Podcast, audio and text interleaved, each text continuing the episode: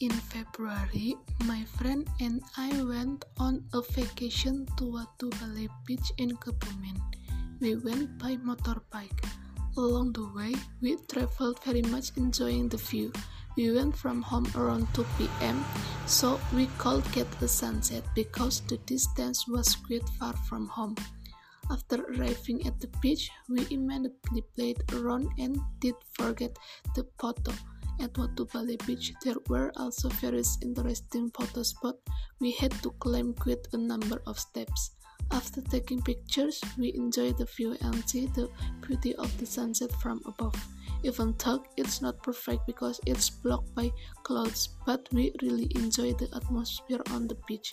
After playing with sand, water, and photo, we hurried home because it was night.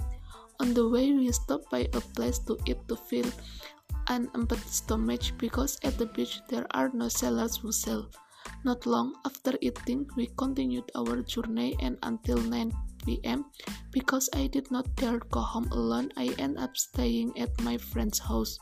We are satisfied with vacationing at the beach. The trip home is also quite tiring, but we are happy to be able to vacation at a beautiful beach.